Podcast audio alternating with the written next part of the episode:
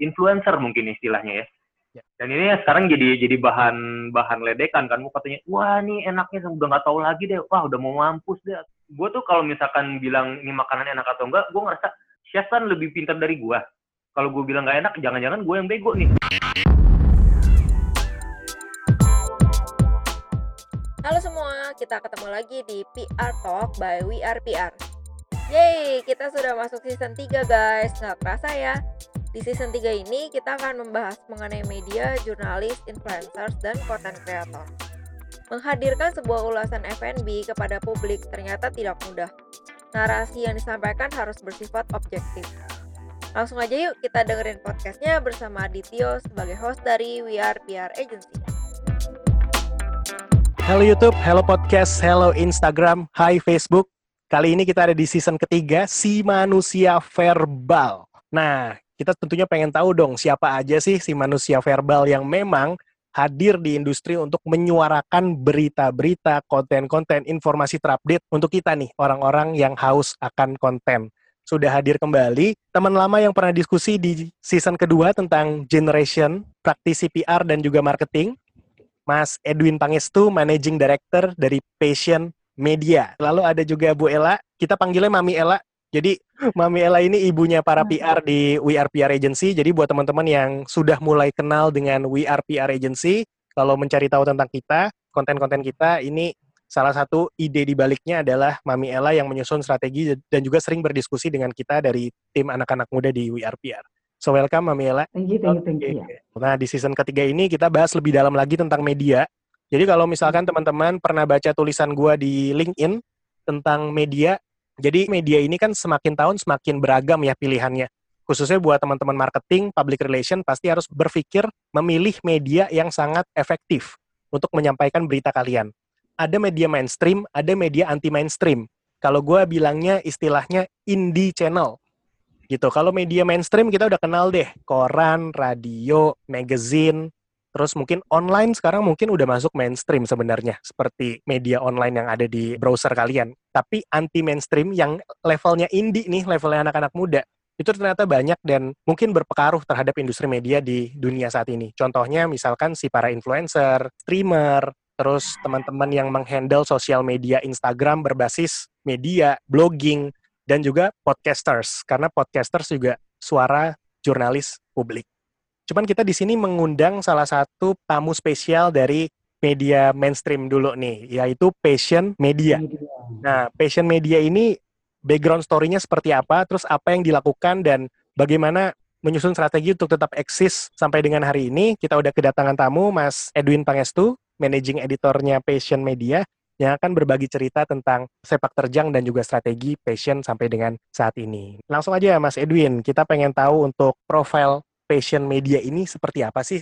Oke, sejarahnya ya. Jadi kita mulai preparing itu um, 2016, tapi kita terbit pertama itu 2017. Jadi awalnya Passion Media itu majalah tiga bulanan, khusus ngebahas pastry yang kelasnya premium mungkin ya istilahnya. Nah, seiring berjalannya waktu tuh kita ngerasa bahwa wah ini lagi ada kejadian menarik nih orang-orang mulai ngulik masakan Indonesia dan kalau kita membatasi diri sama pastry sayang juga tuh. Akhirnya setelah dua kali terbit tiga bulanan kita berubah jadi majalah uh, bulanan. Dan temanya diperluas jadi F&B. Tapi tetap kita masih main di kelas yang premium karena selama ini media-media lain itu lebih banyak uh, bahasnya tema yang umum ya. Let's say di kaki lima atau segala macam. Sebenarnya masalah peluang aja sih. Karena nggak ada yang nggak ada yang terlalu menggeluti ya udah kita ambil market itu Jadi fokusnya dari awalnya pastry, sekarang masakan Indonesia berarti sekarang ya? food juga Food juga, restoran Oh. restoran segala macam ya. Kalau dari Mami kan sering banget nih Hmm. kerjasama sama sa- eh, jurnalis-jurnalis passion. Apalagi kita di WRPR sering banget menghandle Hmm. brand-brand lebih ke brand-brand restoran sama mungkin bumbu masak yang kita handle. Eh, ada event-eventnya mereka. Kalau dari kacamata Mami nih, eh, PR senior melihat passion Hmm. ini keunggulannya di mana sih? Kalau menurut eh, aku tuh gini loh, media eh, untuk F&B kan nggak banyak juga ya Mas Edwin ya. Iya, Cuman sedikit punya dalam negeri tuh nggak banyak gitu loh. Dan setiap media itu punya kekhususan. Ada yang memang dia khusus pastry, lebih ke F&B atau ke makanan segala macam masakan. Ada yang ya memang seperti itu. Jadi kalau fashion media tuh aku lihat tuh bisa masuk ke semua lini ya. Jadi maksudnya kita juga dari PR tuh lebih mudah untuk mengundang teman-teman fashion media karena nggak terlalu harus pastry dan harus cantik gitu loh. Tapi Hmm. sesuatu yang baru yang mau diperkenalkan ke masyarakat juga mengenai makanan ataupun masakan itu juga bisa masuk di fashion media. Dia makanya pertama kali kita kalau punya event tentang F&B itu ataupun punya klien F&B, aku kepalanya langsung fashion media nih, gitu loh. Karena memang karena memang ngelihatnya lebih bisa masuk ke mana pun gitu. Ya, ya. Karena yang dibahas F&B secara luas yang kayak tadi Mas Benar. Edwin sempat informasikan ke kita ya. Fashion sendiri kan memang majalah yang dibangun dari 2016. Terbit tadinya tiga bulan sekali. Tapi ternyata dua kali edisi berarti dalam periode enam bulan, terus tiba-tiba langsung convert menjadi majalah bulanan. Nah itu kan periode waktu yang sangat singkat tuh. Sampai akhirnya sekarang menjadi majalah bulanan. Ada hal apa sih yang menjadi landasan dasar proses transisi itu dari tiga bulanan? Kenapa tiba-tiba berani langsung jadi satu bulanan? Eh, pertama dari pembacanya ya. Tiga bulan kelamaan terus lu nggak mau bahas eh, food juga nih. Lagi banyak yang menarik deh. Itu dari satu. Kedua dari kita mesti mikirin sisi pemasang iklan juga kan. Pemasang iklan pun berpikirnya adalah kalau tiga bulan itu frekuensinya terlalu lama gitu. Hmm oke. Jadi dari dua hal itu sih. Dan setelah itu ternyata emang kalau misalkan kita ngomongin premium pastry itu ujung-ujungnya kita main ke hotel-hotel dan pastry shop premium doang. Wah gue takut kehabisan narasumber kalau begitu tuh. Benar benar benar. Memang harus di apa ya kita bisa bilang kalau main di premium tuh kita penawarannya harus ngelok jangka panjang nggak bisa one shot one shot gitu ya mas ya. Nah apa sih enaknya main di kelas premium? Main di kelas premium kita ketemu sama chef-chef yang eh, kelasnya itu udah em, apa ya sifatnya artisan mungkin ya. Nah kalau misalkan sifatnya artisan gitu kita ngomongin passionnya lebih enak nih. Kita Hmm. bisa bahas sama Hmm. dari hobinya dia, terus kena agak Oh. detail lah mungkin dari ini dish lu kenapa mesti pakai bahan-bahan, kenapa mesti ada bahan-bahan Indonesianya sih gitu. Oke. Jadi kita bisa lebih detail. Kalau misalkan kita ngomong yang kelas kaki lima gitu mungkin ya karena yang laku itu atau atau alasannya lebih sederhana lah. Nah, ini buat yang teman-teman pendengar belum tahu mungkin istilah artisan tuh apa sih? Apakah artis hanya istilah untuk teman-teman yang bergerak di bidang kreatif, pelukis atau pemahat? Nah, ini buat teman-teman yang belum tahu. Jadi di industri F&B, khususnya untuk makanan dan minuman, kalau misalkan istilah artisan itu misalkan kayak spesialisnya di bidang itu. Jadi memang dia tahu betul dari sebelum persiapan, persiapan sampai into detail displaynya seperti apa, dan dia wawasannya tuh nggak cuma wawasan sekedar proses masak gitu loh wawasannya bisa tahu lebih dalam lagi. Kenapa saya pilih bahan bakunya ini? Alasannya ada historinya, sejarahnya, ada perhitungannya, dan lain sebagainya. Jadi memang artisan itu kayak semacam specialty khusus untuk satu hal bidang yang memang ada di dunia tersebut. Misalkan pastry artisan berarti ya all about pastry, kue, pastry, dan lain sebagainya. Terus ada Indonesian food, misalkan, ya berarti dia fokus on Indonesian food. Kalau di kopi kita punya coffee specialty ya, kalau nggak salah ya. Kalau specialty itu kita ngomongin em, istilah yang sangat objektif ya. Maksudnya sebuah kopi dibilang specialty itu ketika green bean-nya itu di grading dan skornya di atas 80 apa 85 gitu gue lupa. Itu objektif banget. Nah, artisan ini agak susah nih. Oke. Jadi artisan itu ketika lu membuat suatu karya yang udah karya seni lah hitungannya. Mhm. Tapi Hmm. tapi standar kita bisa beda nih. Eh, Mas Tio bisa bilang, wah nih croissant ini eh, bagus banget. Menurut gua enggak, biasa aja itu mah. Maksudnya di di pasar-pasar juga banyak yang kayak gitu. Ini subjektif sih jadi sebenarnya istilah artisan beda sama specialty di kopi ya. Jadi ya kita kita sering debat nih. Misalkan, Ini Oke. eh, apa namanya? Dia artisan nih. Ah menurut gua enggak ah. Jadi ya cair sih sebenarnya, bebas-bebas Oh. aja. Jadi memang itu yang membuat si para artisan itu ya gue harus display diri gue nih ke publik ya dengan bantuan teman-teman media juga salah satunya passion gitu kan. Karena gue menganggap diri gue artisan dalam hal croissant misalkan pastry.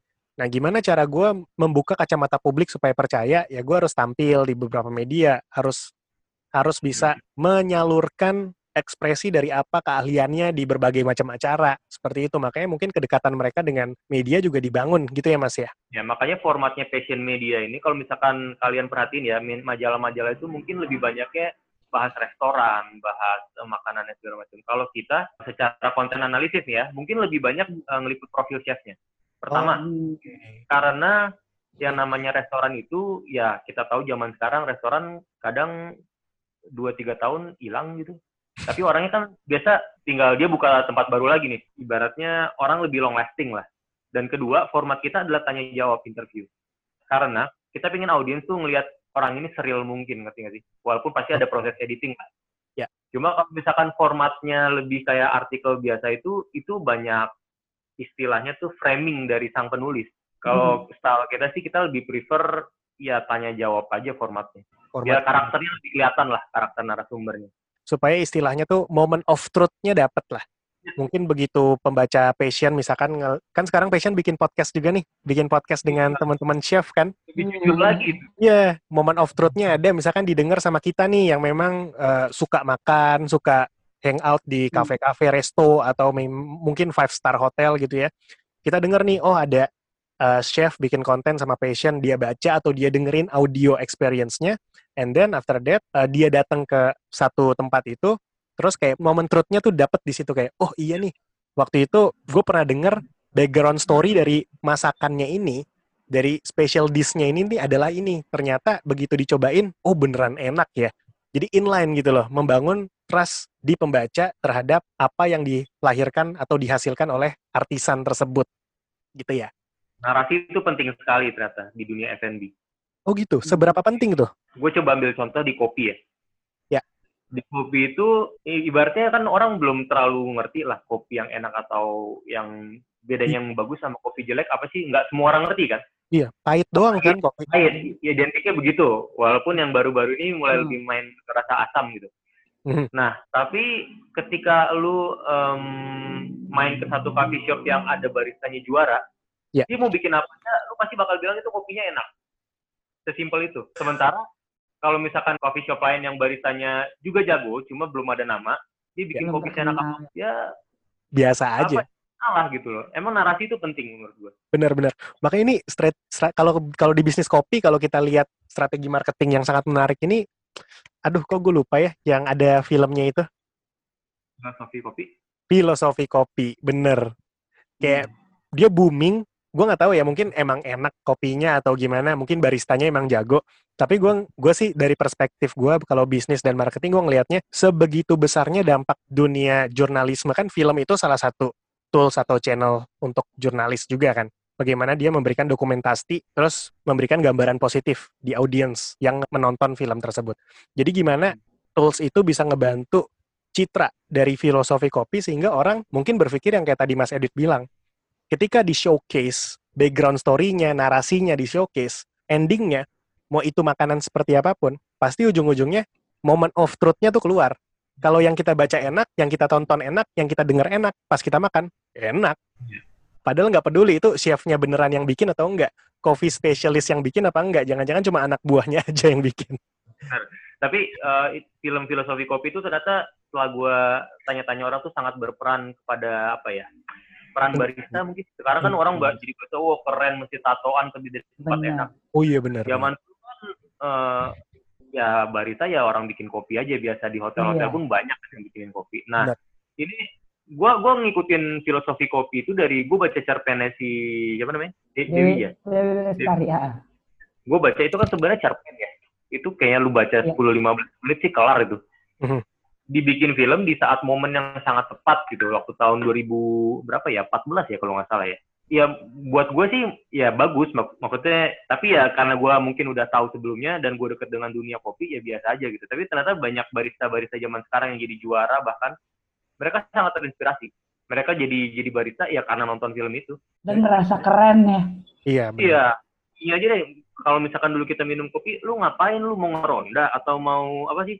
Lu mau jadi dukun gitu, apalagi kopi hitam ya. Hmm. Iya, iya, iya. Sekarang kan kopi jadi keren nih. Orang pada Hmm. ngopi yuk, ngopi yuk. Walaupun di coffee shop pesannya matcha latte atau ice latte tea, Kopi Iya. lucu kalau kita bilangnya. ngopi cantik ya. Kopi cantik. Itulah pentingnya sebuah narasi ya, sebuah narasi yang memang tidak hanya memberikan moment of truth di pikiran orang lain, tapi bisa merubah kehidupan orang dan juga komunitas secara luas. Bagaimana sebuah narasi dari filosofi kopi bisa membangun nih industri kopi di Indonesia mungkin khususnya atau lebih spesifik lagi di Jakarta menjamur Hmm. banget coffee shop sampai sekarang dan mendukung profesionalisme dari pekerja yang bekerja di bidang itu. Kalau dulu kita nggak kepikiran mungkin penjual kopi ya tukang kopi gitu ya, yang ngadukin kopi di warung, di warteg. Tapi sekarang wah gila baristanya keren-keren banget ya. Anak kuliah S1, S2 lulus dari Australia jadi barista di Indonesia, bikin kedai kopi. Kayak gitu Iya. Sampai sampai bela-belain gitu loh kuliah eh, spesialis kopi di luar negeri. Dan gua rasa itu sih yang pengen diangkat juga oleh passion ya, passion media pada khususnya dalam hal bagaimana men-showcase cerita-cerita background story dari chef. Kalau kita bilangnya mungkin artisan supaya mereka bisa menyuarakan kenapa sih saya dibilang artisan atau kenapa sih eh, hal apa sih yang mendukung dari makanan yang saya buat ini. Sehingga saya memang artisan di bidang itu dan mungkin tujuan lebih jauhnya adalah selain untuk tujuan bisnis ke restoran, ke five star hotel yang memang tempat dia bekerja, tapi untuk menjadi inspirasi untuk kita semua, mungkin generasi chef penerus atau yang memang cinta di dunia tersebut untuk bisa terinspirasi dan bisa berkontribusi di dunia F&B. di restoran itu kan kita nggak mungkin ya uh, waiternya menjelaskan oh ini chefnya dulu uh, kuliahnya di sini terus dia pernah buka ini gitu. kepanjangan lah Bener. Jadi batasan-batasan yang bisa disampaikan oleh restoran dari strategi brandingnya mereka, kan mereka nggak mungkin juga ya nulis chefnya lulusan apa di brosur gitu kan? Nggak Iya, ada juga. Ya, balik lagi Markom, marketing communication strategi. Intinya pada saat membangun bisnis restoran, membangun bisnis eh, retail, khususnya di bidang food and beverage, banyak hal yang bisa di-expose. Nggak cuma berkaitan dengan makanan itu sendiri, nggak berkaitan dengan minuman itu sendiri. Kenapa itu enak? Pasti di belakang ada orang, people behind it. Tapi nggak wajar juga kalau kita taruh people-nya itu gede-gede di dinding misalkan. Penjelasannya panjang, terus kita taruh di brosur. Lebih parah lagi kalau kita taruh di buku menu sih. Hmm. ada ta- table of content, ada ceritanya. Kayak nggak nggak wise juga. Makanya harus tahu channel yang tepat untuk menceritakan keunggulan lain di luar dari makanan dan minuman yang memang disajikan. Nah, salah satunya adalah teman-teman media yang sekarang media ini kreatif banget nih. Passion nggak cuma punya magazine, tapi sekarang ada podcast, terus Instagramnya juga aktif. Nah, ini kan makin banyak nih corong yang memang bisa disampaikan ke publik tentang chef ataupun restoran yang memang pengen dipromosikan. Jadi mungkin teman-teman yang memang punya usaha restoran atau punya keluarga yang memang menjalankan bisnis tersebut, monggo silakan coba eh, baca-baca passion atau mungkin kalian sudah kenal lebih dekat dengan sudah kenal passion sebelumnya, sekarang kenal lebih dekat lagi nih. Coba bisa dicari nih kontaknya Mas Edwin nanti kalau main ke sana gitu. Dari Mami mungkin ada pertanyaan lanjutan untuk Mas Edwin? Ah, Jus, eh, ini loh, aku lagi mikir ya kan kalau misalnya kita lagi kita ambil contoh filosofi eh, kopi ya. Mereka berhasil sekali ngebangun image kopi biasa-biasa aja nih kayak kopi susu gitu ya. Kayak kesannya enak gitu. Nah, sebenarnya tuh tantangan apa ya dari passion media itu dalam hal menulis. Pasti kan banyak nih mau mengangkat misalnya chefnya, mau mengangkat makanannya. Itu yang membuat imajinasi pembaca bahwa makanan ini tuh enak banget. Karena mau nggak mau kadang-kadang zaman sekarang itu kita mau makan kita cari media yang sudah membahas makanan tersebut. Hmm, enaknya kayak apa? Ke, dengan dengan semakin dekatnya media ke tangan kita itu mau makan aja kita cari ulasan dulu bener nggak? Ya, betul. Nah, ah, ya kan? Jadi aku pengen tahu nih, tantangan apa sih yang passion media atau uh, terlebih Mas Edwin nih sebagai managing uh, editor pasti banyak banget yang dibaca kan dari skrip-skrip teman-teman jurnalis lainnya gitu. Oke, jadi kalau buat menulis tentang makanan itu gampang-gampang susah karena gini nih. Yang kita bilang enak belum tentu orang lain bilang enak kan. Benar. Satu. Jadi kita berusaha seobjektif mungkin, Mbak. Contohnya gini, misalkan ini dagingnya dimasak menggunakan teknik sufi selama 8 jam, jadi kolagen-kolagennya itu jadi mencair dan teksturnya jadi lembut banget. Kita berusaha yang kayak gitu sih. Hmm. Kalaupun saya mesti kasih komen, lebih kayak ke kesan yang saya terima tuh gimana sih? Oh, makanan ini mengingatkan saya sama ini. Karena kalau kita ngomong enak nggak enak dan sesuatu yang sifatnya subjektif, apalagi sampai kritik ya. Kayaknya Indonesia belum ada budaya buat buat food kritik ya. Benar. Belum, betul. Saya punya eh, beberapa orang brand gitu ngomong, lu kan sering ngicip-ngicipin, lu jadi food kritik aja gitu. Hmm. Bukannya nggak mau, cuma kayaknya budaya kita tuh masih belum bisa sih. Dan ini food kritik ini banyak yang dilakukan oleh teman-teman influencer mungkin istilahnya ya. Ya. Dan ini sekarang jadi jadi bahan bahan ledekan kan, mau katanya, wah ini enaknya udah nggak tahu lagi deh, wah udah mau mampus deh atau guys ini enak banget dicoba gitu. Jadi bahan bulan-bulanan jadinya. Karena menurut gua gua tuh kalau misalkan bilang ini makanan enak atau enggak, gua ngerasa jangan-jangan palet gua canggih gak sih buat merasakan itu. Maksud gua ini chef kan lebih pintar dari gua. Kalau gua bilang nggak enak, jangan-jangan gua yang bego nih. Gua ngerasa belum pantas buat menilai em, satu makanan gitu. Dan celakanya adalah karena banyaknya media-media nih, let's say kayak em, media review makanan gitu, mereka kan pakai sistem apa ya? Kalau begitu review lu udah ada let's say 50, ada jadi predikatnya jadi ahli, expert apa gitu ya. Oke. Dan menurut gua nggak semuanya jelek, tapi maksud gua em, ada beberapa mereka yang kayak komennya tuh nggak nggak masuk akal sih. Let's say jelas-jelas di menu ditulis dia menggunakan pestonya menggunakan kacang eh, walnut ya. Ya. Terus nanti ntar ada reviewnya, iya kacang metenya nggak enak. Padahal itu ditulis loh. Oh, iya, iya. Jadi buat jadi food critic itu ada sebuah kapabilitas yang mesti lu miliki dan nggak bisa sembarangan aja. Dan celakanya adalah mereka-mereka ini punya power. Karena power sekarang itu dilihat dari bukan seberapa ahlinya lu, tapi seberapa banyak follower lu. Yes, betul. Jadi ini yang agak kita lagi cari titik keseimbangan lah istilahnya. Challenge dari media yang fokus membahas makanan itu adalah untuk merepresentasikan sebuah dish ini, makanan ini enak atau enggak. Karena enak itu relatif. Ada makanan yang biasa-biasa aja kita bilang enak. Ada makanan yang udah super enak banget dari hotel bintang 5 yang masak chef dari mana? Dari Polandia misalkan. Tapi nyampe di mulut kita yang mulut lokal nggak masuk. Ya. Mau bilang nggak enak pada saat ada di acara juga nggak enak juga. Chefnya udah lebih pinter dari kita. Terus kita mesti nulis apa dong? Gitu kan. Pasti buat teman-teman PR, teman-teman jurnalis ya khususnya untuk yang meliput makanan, kadang kita suka bingung gitu ya. Karena tadi budaya food critic itu di kita belum umum atau bisa dibilang masih tabu. Bagi anak-anak muda yang memang kuat di influencer, mereka masih melihat kalau follower itu lebih penting. Makanya mungkin makanan yang biasa-biasa aja suka dihiperbolkan, hiperbolakan. Wah enak banget nih segala macam. Makanya ini suka agak bertolak belakang gitu ya. Mungkin dari sisi jurnalisme juga seharusnya melihat mereka tuh lebih sub- lebih objektif lagi. Makanya untuk membuat sesuatu citra makanan menjadi sesuai dengan apa yang diterima oleh pembaca, penting untuk mengupas observasi dari objeknya. Ketika dia enak, alasan enaknya kenapa? Misalkan daging ketika dipanggang matang, sempurna, enak karena kolagennya itu keluar. Jadi lebih juicy. Dan efek dari juicy-nya tuh apa? Bikin mulut tuh lebih enak, meresapi rasa dagingnya, tasty-nya enak, dapet air liurnya pas lagi gigit juga keluar. Jadi kesannya tuh sangat menggoda untuk menikmati makanan tersebut.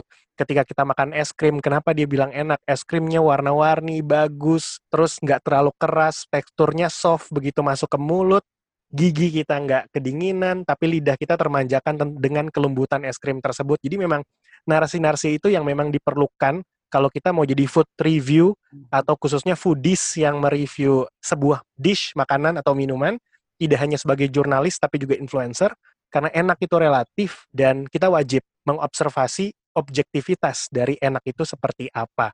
Nah mungkin Mami atau Mas Edwin mau nambahin? Eh, tapi di passion media itu ada tentang review makanan nggak ya Mas ya? Pasti, pasti ada. Ada ya? Cuma ya itu tadi kita berusaha seobjektif mungkin. Kita lebih ngomongin soal proses pembuatannya. Ini ada budayanya, ada budaya apa sih? Misalkan Mm-mm. makanan Argentina nih. Mereka di sana makannya saat-saat ini gitu. Lebih ke situ sih. Jadi memang mengkupasnya lebih dalam lagi ya, nggak harus kayak Benar. seputar apa yang ada di lingkaran piringnya gitu ya. Kalau jurnalis datang, dia foto, makanan ini nggak seputaran lingkaran piringnya doang. Tapi cerita di baliknya apa? Ketika makanan ini, misalkan kemarin kita ngehandle Cikang Resto ya, Mi ya. Benar. Salah satu restoran Padang Peranakan. Memang diceritakannya pun di press, acara press conference-nya pun kita meminta untuk pemiliknya, ownernya bercerita tidak hanya seputar piringnya aja, tapi bercerita tentang hal-hal di luar itu dari sudut pandang daerahnya, bagaimana dia membawa makanan itu, bagaimana dia menemukan inovasi makan stick dari hasil bakaran arang kelapa karambia. Jadi prosesnya di highlight. Terus ceritanya kenapa sih pakai karambia? Ternyata kan di Padang itu karambia tuh udah kayak makanan sejuta umat. Semua masakan di Padang di Sumatera Barat itu semuanya menggunakan basis kelapa. Mau minyaknya, serundengnya, bakarannya itu kelapa. Makanya di sana identik dengan kelapa. Dan kenapa ketika ownernya pencinta stick membuat inovasi stick yang dibakar dengan menggunakan arang kelapa. Karena arang kelapa adalah daerah asal si owner itu. Dibawa ke kita, sampai kemarin tuh dia menceritakan yang menurut aku sangat inspiratif banget. Dia menceritakan kenapa sih harga rendang, harga stick itu nggak murah, bahkan bisa dibilang untuk beberapa orang agak mahal gitu ya. Karena dia menceritakan proses pembuatannya. Jadi mereka juga mengajak untuk teman-teman yang pencinta makanan, khususnya makanan Padang, kayak makan rendang, dan sekarang di Cikang ada stik karambia dengan proses yang sangat nggak simple gitu ya. Dia mengajak teman-teman food enthusiast ini bukan hanya menikmati dari lidah, tapi menghargai proses pembuatnya dan lebih lagi menghargai orang yang membuatnya. Karena untuk memproduksi makanan bagus, itu banyak orang yang terlibat dan prosesnya pun memakan waktu. Jadi seperti itu pentingnya sebuah cerita yang memang harus disampaikan sehingga publik itu melihat enak itu nggak sebatas dari piring yang disajikan. Saya, saya boleh nanya nggak? Boleh. Mau nanya nih Mbak Ella nih.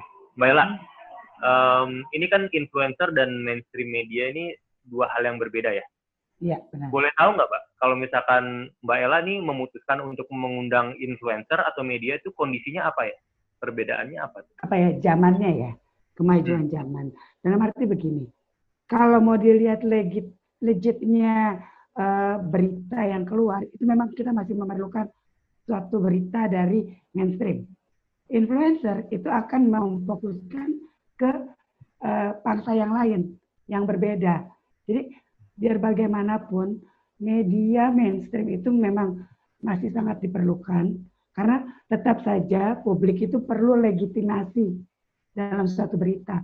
Kalau influencer mereka bisa bilang ah ya dia dia begini dia begini. Tapi kalau mainstream mereka masih menganggap bahwa itu adalah satu berita ataupun legitimasi yang bisa dipertanggungjawabkan sih. Aku sih lebih ke situ sih.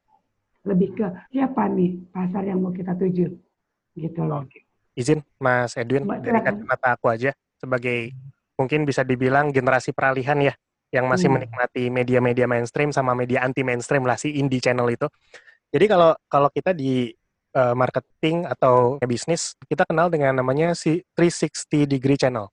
Jadi di 360 degree channel, channel itu maksudnya bagaimana sebuah konten bisa didistribusikan ke banyak channel, tapi dengan spesifik berita yang berbeda-beda, menyesuaikan dengan tujuan dari konten itu sendiri. Uh, inline dengan apa yang disampaikan Mami Ella, ketika kita undang uh, media yang sifatnya lebih nationwide, misalkan tier 1, tier 2-nya lah, katakanlah si koran, televisi, radio, dan uh, magazine. Nah, itu kan berarti untuk membangun satu citra legitimasi dan lain sebagainya. Untuk at least si brand itu sudah legitimate nih, legit nih, ada nih diliput oleh media-media besar. Tapi di satu sisi kita ngomongin 360, berarti kita harus ngomongin ada kemungkinan orang-orang atau certain kind of people yang menyerap informasi gak hanya dari media besar, menyerap informasi dari media-media yang lebih spesifik. Khususnya kalau ngomongin food, food ini kan sangat apa ya? Sangat unik ya. Kadang orang bisa tertarik untuk mencicipi itu bukan dari foto produknya, bukan dari uh, harganya, tapi dari hasil reviewnya. Pas dia googling, pas dia cari di katakanlah di Twitter atau di Instagram, dia cari nih restoran baru di Jakarta. Terus mungkin dia nggak ngeliat fotonya, tapi dia ngeliat review sama ngeliat komentarnya. Nah, itu yang kita pengen berikan kepada teman-teman restoran yang pengusaha dan lain sebagainya. Untuk kalau misalkan kalian pengen membangun legitimasi, kita punya teman-teman dari media. Salah satunya Passion Media yang sering memang kita undang di acara-acara press conference restoran. Tapi misalkan boleh kita ajukan untuk strategi komunikasi ke masyarakat yang lebih luas, khususnya untuk mensupport pada saat ada pencarian restoran mereka, eh ternyata reviewnya muncul baik dan meningkatkan interest untuk visit, at least pay a visit di restoran tersebut, Nah, itu kita pakai influencer. Tapi tetap tadi yang mungkin menjadi satu hal yang bisa jadi masukan buat teman-teman influencer adalah untuk mendeskripsikan sebuah hal, sebuah berita, sebuah cerita. Itu nggak cukup dengan hiperbol dan nggak cukup dengan caption menarik. Harus ada observasi lebih dalam lagi. Ketika kita ingin membangun citra enak, memang makanannya enak, tolong dielaborasi. Kalaupun kultur kita belum bisa menerapkan kultur kritik, tapi at least apa yang pengen kita uh, sampaikan si enaknya itu itu benar-benar dielaborasi enaknya kenapa gitu loh supaya orang juga at least tahu betul enaknya tuh kenapa terus yang kasih komen kadang tuh kalau influencer tuh kadang gini ya, ini gue buka-bukaan aja deh buat buat teman-teman PR people juga jadi bisa belajar. Jadi kadang tuh di komentarnya itu, misalkan satu influencer nge-post, terus mungkin dia punya satu grup lah teman-teman influencer lain gitu ya. Terus teman-temannya Iya. lain-lain tuh "Heeh, kasih komen, tolong komennya relate gitu loh. relate dengan topik yang memang disampaikan. Jadi jangan sekedar kasih like, kasih love, terus komen, wih enak banget, wih enak banget, ih keren banget, segala macam. Kalau misalkan teman-teman yang memang nggak gitu paham, mungkin ngelihatnya, oh komentarnya banyak. Tapi buat kami yang PR agency yang memang ngontrol sekali masalah itu, kita kontrol banget di situ. Kita ngelihat kok ternyata komentar-komentar influencer itu rata-rata teman-teman influencer lainnya yang kadang komentarnya juga nggak relate gitu loh. Cuma Hmm. sekedar ya put a comment lah untuk support dan lain sebagainya. Nah, kita pengen dong encourage eh, kalian untuk aktifnya secara 100% dan juga menginfluence-nya secara 100% juga. Nah, ngelanjutin tadi budaya food critics. Sebenarnya ada, Mas eh, Edwin. Ini gue baru recall lagi nih. Karena istri kerja di salah satu brand minuman cukup digandrungin anak muda tahun lalu. Dan itu pernah ada satu social media influencer, base-nya itu di YouTube. Dia bikin perbandingan bubble drink ada ada 10 itu mungkin Mas Edwin tahu ceritanya ya karena udah tersebar luas. Dia bikin eh, perbandingan bubble drink sampai 10 dan salah satu brand yang itu dibilang nggak lebih enak dari brand yang kelas bawah. Dan bahkan brand besar itu masuk ke dalam top 3 minuman jenis itu yang tidak enak. Kena. Kena. Bukan hanya kena dikritik oleh influencer lainnya, tapi kena kritik dari pemegang brandnya. Dan itu mungkin yang yang membuat sorry to say para influencer agak takut nih kalau mau ngasih kritikan terhadap makanan. Apalagi mereka udah diundang dikasih barang gratis terus nggak dihiperbolkan gitu loh. Karena mereka takut kedekatan sama si brandnya itu hilang. Tapi please teman-teman eh, kita jaga profesionalisme ini. Jangan sekedar mengincar uang semata jadi memang suarakanlah yang benar suarakan sesuai dengan kapabilitas kalian Eh, friendship is a friendship professionalism is a professionalism. Jadi jangan melihat hal ini menjadi hal yang abu-abu. Mungkin itu yang gue bisa share sedikit cerita tentang uh, food criticism. Kalau kalau food critic itu ada sih sebenarnya, cuma gini loh, gue beberapa kali diundang antara media sama influencer kan. Ya. Nah itu pernah ada satu saat di hotel di daerah Kelapa Gading tuh, kayak eh, setelah makan-makan kan chefnya datang ya, Iya. Iya. gimana makanannya enak atau apa. Gue sebagai media ya, gue nggak mau terlalu apa ya, nggak mau terlalu bici lah ya, bici itu apa ya, mengeluh ya istilahnya ya Iya, iya, iya. tapi teman-teman influencer di sana tuh wah itu protesnya gila sih men maksudnya Oh wah gitu ya? chef ini ininya kurang ini kurang ini Em, jadi jadi acara komen ini jadi kayak acara ngerosting chefnya Oh gitu. pernah Iya, itu iya. pernah Tapi sering kejadian itu. Apa lu masuk ke dalam special condition yang kayak begitu kali, Mas Edwin? yang gue perhatiin ya influencer emang cenderung agak kayak gitu sih Oh, oke. Makanya- oke. makanya kalau misalkan ada apa ya ada acara gathering gitu kan yang media kadang dipisahkan sama influencer kan. Benar. Iya, iya, iya, iya, iya. Atau karena masalah teknis kalau influencer fotonya lama kalau media kadang-kadang pakai minta foto dari itu aja lah dari press release atau apa Rilis. gitu Yes, Ah. betul. kan media juga kan kita mesti nyicipin dan dan ka- ketika mas, makanannya udah satu jam setelah di- dihidangkan terus baru dimakan ya udah pasti nggak enak lah ya Iya. Iya. dan mereka kan fotonya sampai yang naik-naik meja gitu kan jadi menurut gue food kritik itu ada cuma kalau bisa kalau kalian ingin jadi food kritik coba dipelajari palatnya dulu deh maksudnya Oke. jangan yang kadang yang kita kritik kan yang or- orang yang lebih ahli dari kita ya Ya. chef itu lebih ahli loh dari kita Benar. minimal melengkapi diri lah dengan pengetahuan gitu jangan itu itu gue gue sebagai media di sana jadi kayak aduh kok gue jadi kayak gue takutnya ntar chefnya sebelah sama gue juga lagi kan gue Iya. sono kan Karena suara ma- suara mayoritas ya kelihatannya ya. jadi acara roasting gitu Terus Nah, pernah lagi satu acara, jadi kita eh, lagi ada acara apa waktu itu ya? Pokoknya kita ke Bali nih, satu rombongan. Terus em, ada satu, dia itu penulis, cuma gue nggak tahu untuk majalah apa, agak bici banget nih. Jadi kita hari pertama nginep di satu eh, hotel, dia nggak minta diliput.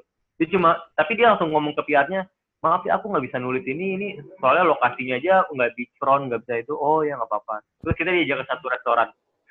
Ya eh, ibaratnya tea time ya istilahnya, snack-snack doang. snacking. Makan pesan ini itu ditanya gimana makanannya, hmm, birnya enak. Waduh. Kacau banget deh. Jadi em, apa ya? Mau jurnalis atau apa ya ada sih yang kayak gitu sih. Iya iya iya benar-benar gue gue paham sih. Eh ya kalau kalau gue sih nggak nggak bisa menilai dari sisi profesionalitas ya karena gue bukan jurnalis tulen, gue juga bukan influencer.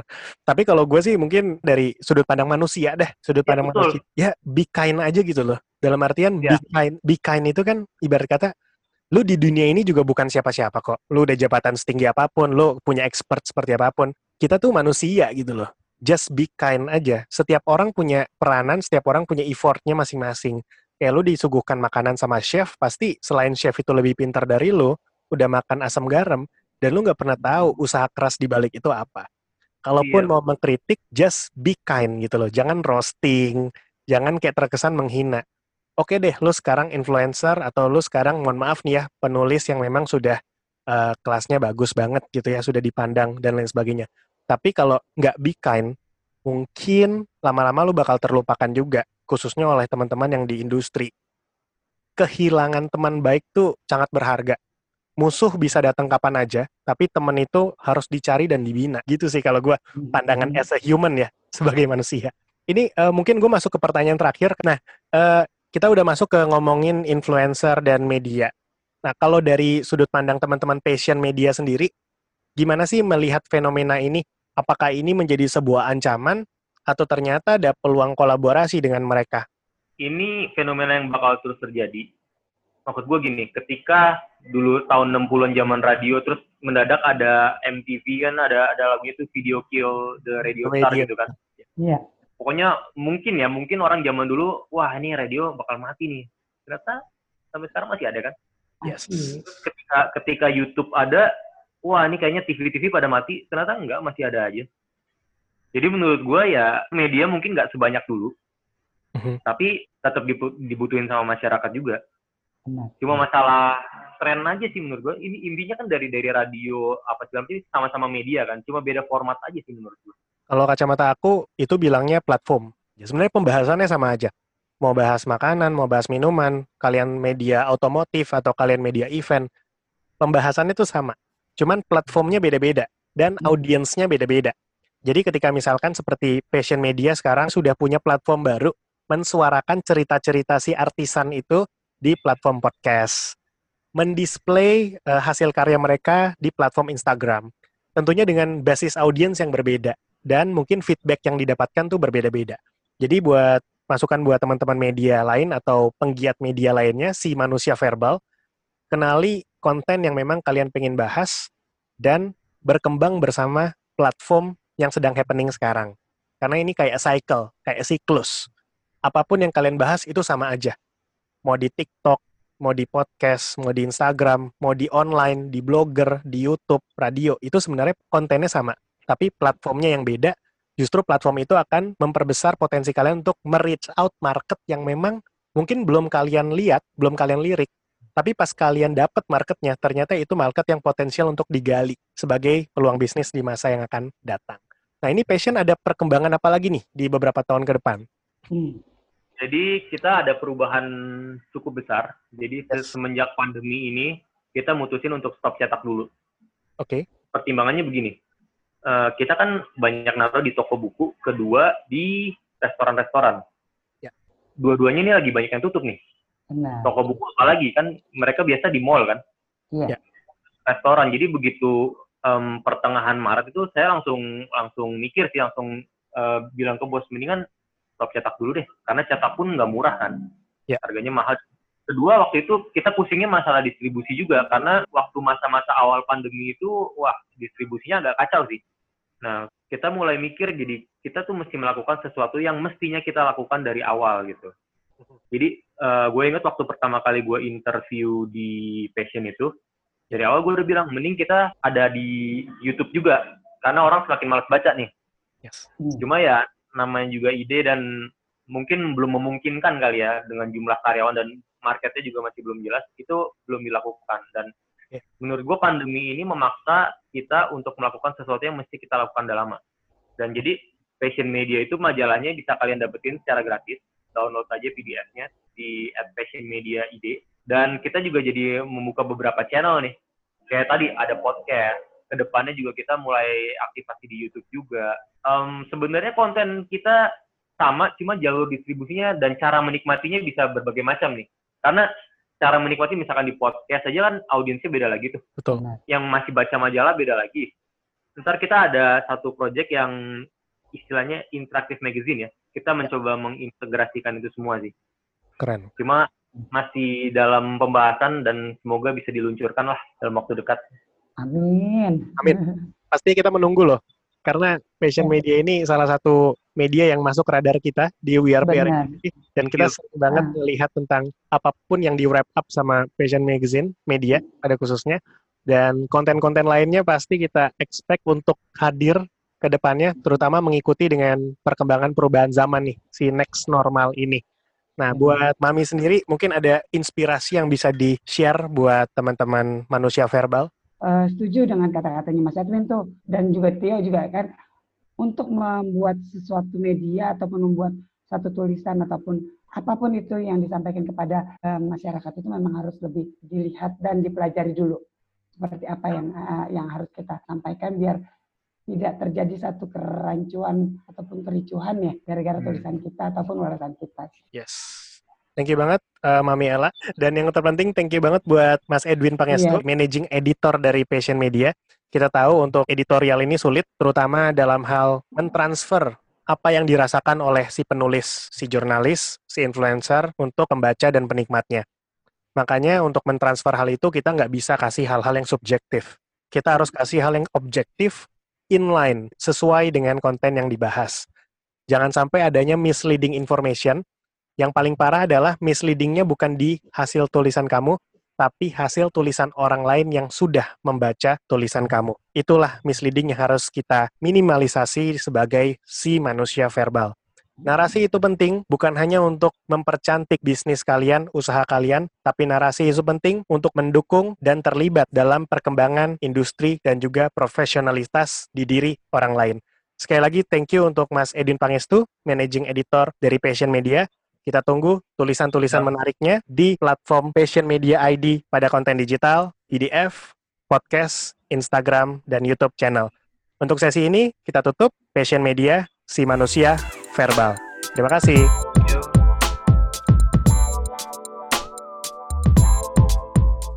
Sekian PR Talk kita hari ini. Terima kasih untuk semua yang sudah mendengarkan serta teman-teman dari Infokopedia ID dan BMVcom Esa Unggul yang sudah support kita. Jangan lupa subscribe dan komen konten kita serta follow Instagram at Network. Sampai ketemu di PR Talk selanjutnya. Bye-bye.